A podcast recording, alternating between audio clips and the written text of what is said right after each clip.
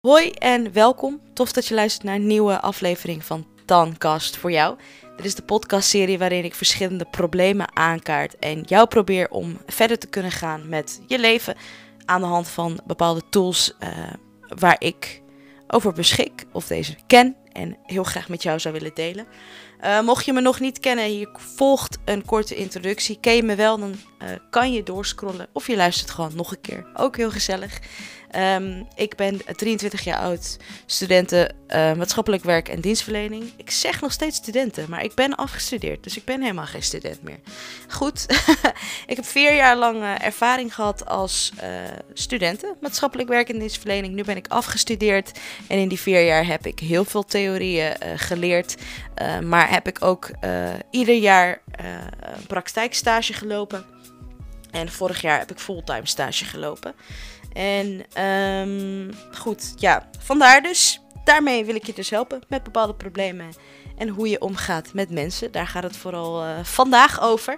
Zoals beloofd in de vorige podcastaflevering, uh, daar had ik uh, in gezegd dat ik heel graag het wil hebben over geven en ontvangen van feedback. Um, ook al zou je denken dat deze podcastaflevering niks voor jou is, dan wil ik je juist aanraden om hiernaar te gaan luisteren. Want dit was voor mij zelfs ook een blinde vlek. En dan heb ik het over 2,5 jaar geleden. Toen ben ik voor het eerst erachter gekomen dat ik um, kennelijk nooit door had dat ik er niet voor open stond. Althans, ik stond er wel voor open, maar het ontvangen ging toch via een omweg waardoor anderen dachten dat ik het niet wilde ontvangen. Volg je het nog? Ben namelijk heel perfectionistisch van mezelf. En uh, ik beloof dat dit niet een heel persoonlijk verhaal gaat zijn. Maar het hoort wel bij wat ik je wil gaan vertellen. Uh, het perfectionisme is ontstaan doordat ik jarenlang gepest ben. En uh, ik was best zelfverzekerd vroeger, totdat mensen ineens zeiden waar ik onzeker over zou moeten zijn. En in het begin geloofde ik het natuurlijk niet, want zo eigenwijs ben ik wel. Maar uiteindelijk ga je er toch uh, in geloven en wil je uh, jezelf bewijzen, maar ook bewijzen tegenover de wereld die zo naar tegen je is.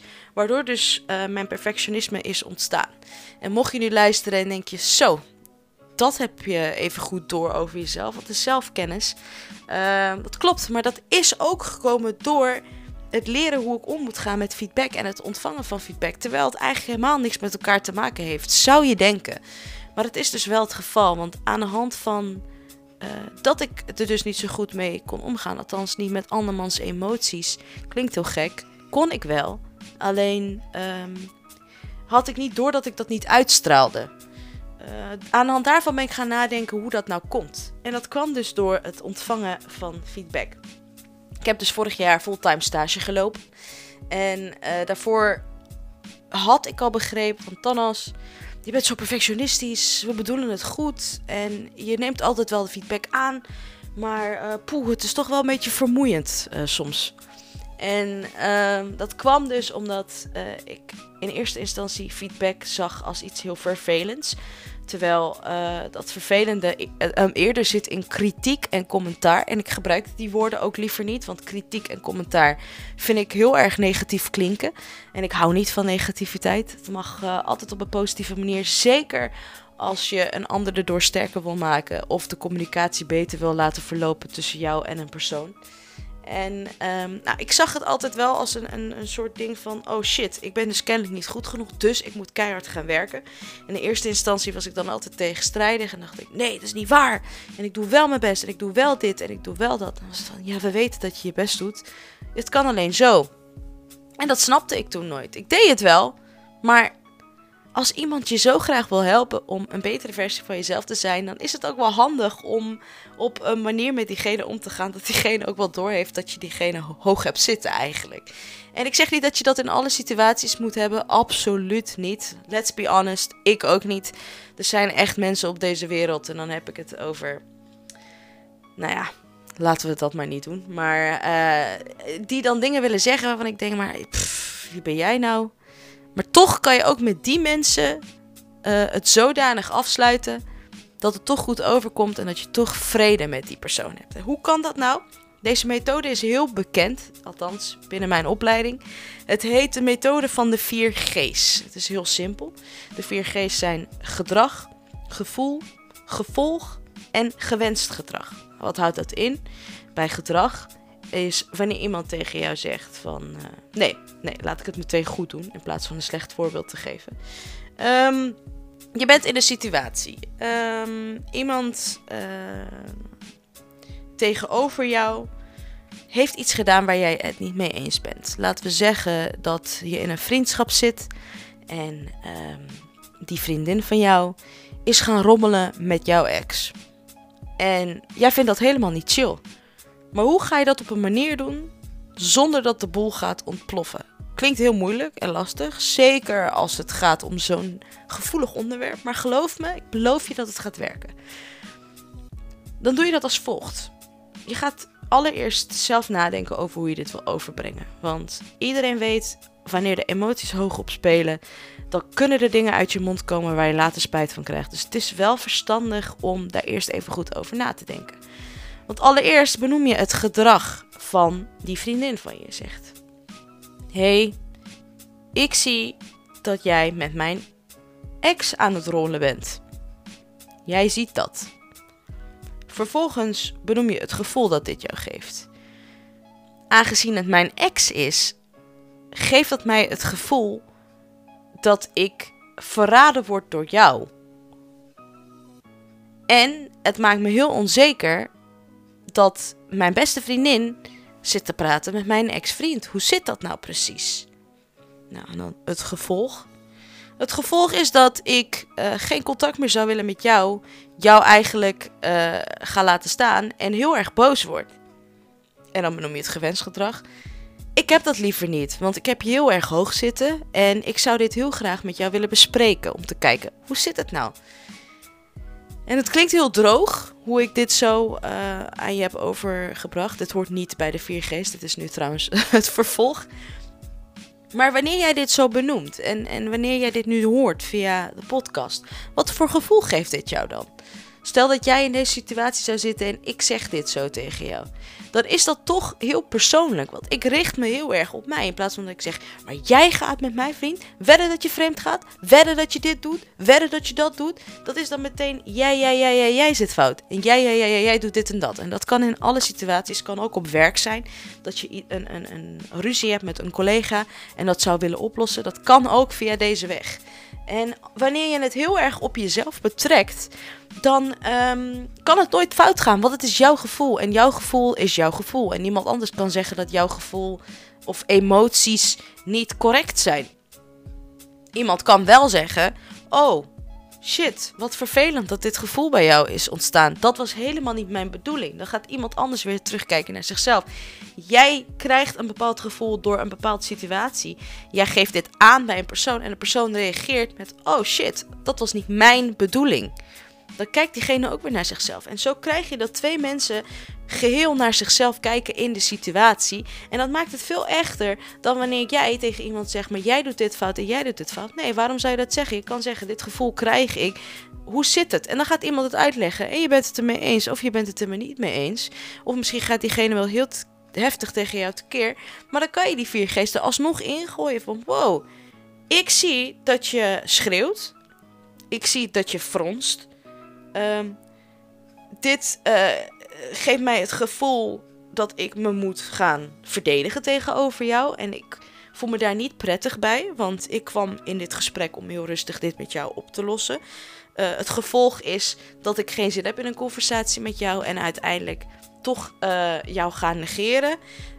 Maar ik zou toch willen dat we dit netjes oplossen. Want in eerste instantie um, was ik anders toch niet naar je toe gekomen. En dan denkt iemand, het is zo, ik heb echt een volwassen persoon tegenover me zitten. En ik zeg wel volwassen persoon, deze podcast is voor alle leeftijden. En dit kan ook gelden voor jou in welke situatie dan ook. Maar laten we eerlijk zijn, wanneer we boos zijn, zijn we allemaal een stel kinderen die net geen lolly hebben gekregen bij de supermarkt. Omdat mama of papa dat toch liever niet wilde doen. Toch? Nou, op die manier. En het ontvangen daarvan heb ik eigenlijk al laten zien. Uh, of tenminste, laten horen. Door te zeggen van, oh shit, ik, ik schrik hiervan. Oh, ik had helemaal niet het idee dat ik dit gevoel aan jou gaf. Wat ik dus zei, je kijkt heel erg naar jezelf van, hoe ontvang je dit? Gaan we weer terug naar wat ik zei.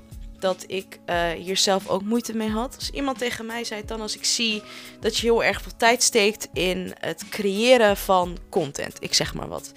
Um, dit geeft mij uh, het creëren van content, maar ik zie dat je heel erg stresst. Uh, dit geeft mij het gevoel dat je er niet lekker in zit en ik word er ongemakkelijk van, want ik neem jouw stress ook over hierdoor. Uh, het gevolg is dat ik geen zin meer heb om met jou te praten, omdat ik geen zin heb in jouw stress. Ik zou heel graag willen dat je je stress voor jezelf houdt. Is dat mogelijk, weet je wel? Uh, oh, dat moet je trouwens nooit doen. Is dat mogelijk? Een vraag stellen. Ik heb het net volgens mij twee keer gedaan aan het eind. Probeer dat niet te doen. Laat juist weten wat, jou, uh, wat jij heel erg graag wenst. Het is ook een fout waar ik nog steeds mee loop. Uh, of fout waar ik mee loop. Iets waar ik tegenaan. Uh, ja, wat niet altijd lekker gaat. Probeer vragen te vermijden. Want iemand kan zeggen: Nee, dat kan ik niet. Nee, want jij probeert mij nu advies te geven. Nee, dat doe ik niet. Dus als jij zegt hoe jij het juist wel wil dan kan iemand er eigenlijk niet omheen draaien. En dat is niet een mind game of whatever, maar het is juist. De hele mind game zit hem juist in dat agressieve. en niet in dit. Goed. Op die manier. En, en als iemand dat, dus wat ik, het voorbeeld dat ik net gaf, uh, dat tegen mij zei, dat ik zoiets van: Oh my god, what the fuck? Oh shit. Um, uh, ik stress? Oh god. What the fuck? Ik wil helemaal niet stressen. Ik wil heel perfect zijn. Ik ga nu uh, daar wat aan doen. En dan negeerde ik eigenlijk volledig wat diegene net zei. Kennelijk heb ik iemand een stressvol gevoel gegeven en ik kijk alleen weer naar mezelf en ik kijk niet meer naar die persoon, überhaupt. Uh, dan kan ik zeggen, oh wat vervelend. Ik wist niet dat ik dit zo aan jou overdraag. Dus met andere woorden zeg je, ik hoor jou. Ik hoor wat je zegt. Je herhaalt wat diegene heeft gezegd. Dan kan je nog checken, heb ik het goed gehoord? Want stel ik zeg... Um, oh, ik wist helemaal niet dat ik een stressvol persoon en dit aan iedereen uitstraal, zegt diegene: nee, nee, nee, je hebt het niet goed begrepen. Ik heb gezegd dat ik dat zo van jou ontvang, omdat ik er zo in sta. Dat is weer anders. Maak het weer persoonlijk en dan kan je weer factchecken bij een ander of het nou klopt wat je uiteindelijk hebt gehoord. En op die manier is het voor iedere situatie wel handig om uh, het op deze manier bespreekbaar te maken. Je gaat met elkaar in gesprek, je benoemt de vier G's en via die vier G's is het zo ontzettend makkelijk om een probleem op te lossen of een communicatiefout. En uh, ook binnen je werk, wat ik net al zei, mocht er ineens iemand zijn die heel vervelend tegen je uh, is en dat geeft jou een vervelend gevoel. Ik wil niet zeggen dat het zo is dat iemand vervelend is. Hè? Het is namelijk je gevoel. Jij ervaart dat als vervelend. Misschien zal iemand anders in die situatie dat helemaal niet zo vinden. Misschien is dit wel de reden waarom het soms mis kan gaan. Uh, binnen een bedrijf. Dat jij het idee hebt dat niemand naar jou kijkt, dat jij het buitenbeentje bent, maar dat het eigenlijk helemaal niet daaraan ligt, maar dat het juist jouw gevoel is dat jij dit invult. En dat kan overal vandaan komen. Ik had net natuurlijk al verteld waar het bij mij vandaan kwam en hoe ik me daarin voelde. Um, maar dat, ik heb daar echt over moeten nadenken. Ik heb daar echt serieus een half jaar over gedaan. Om na te denken, waar komt mijn gedrag nou vandaan? En dat is echt heel lastig hoor. Dat is heel veel reflecteren en kijken wie jij bent als mens. En dat begint natuurlijk ook bij de 4G's. Je houdt het heel erg bij jezelf. En uiteindelijk ga je hiermee ook controleren. Wat is mijn gevoel? Waarom voel ik mij zo? Dat zijn vragen die je later aan jezelf kunt stellen. Dat hoef je niet in gesprek met een ander te doen. Maar nadat je dat gesprek hebt gehad, kan je dus gaan checken. Oké, ik voel me hier ongemakkelijk bij. Hoe komt dat dan? Waar komt dit gevoel vandaan?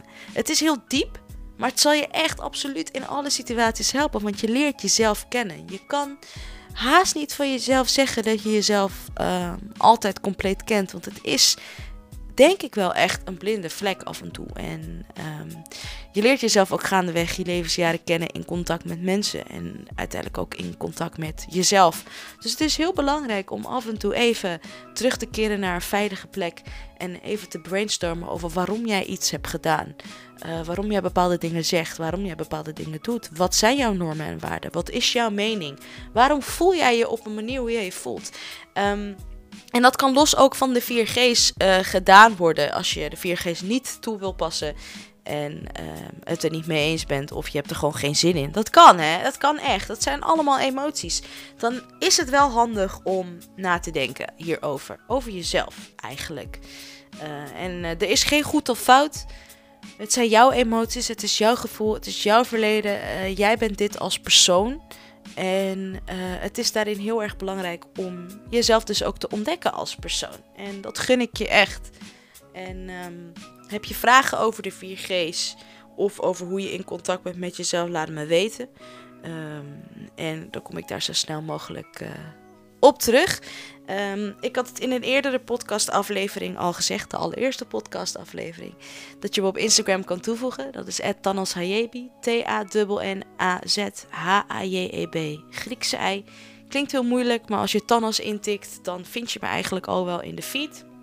Stuur me dan een privébericht met een probleem waar je mee zit. En wie weet hoor je dat wel in de volgende podcastaflevering. Want hierin worden alle problemen bespreekbaar gemaakt. En is er een oplossing voor alles. Zolang je maar weer in contact durft te staan met jezelf. En uiteindelijk daarin ook veel makkelijker kunt functioneren met je omgeving. Heel erg bedankt voor het luisteren naar deze podcastaflevering. En uh, tot de volgende keer. Doeg!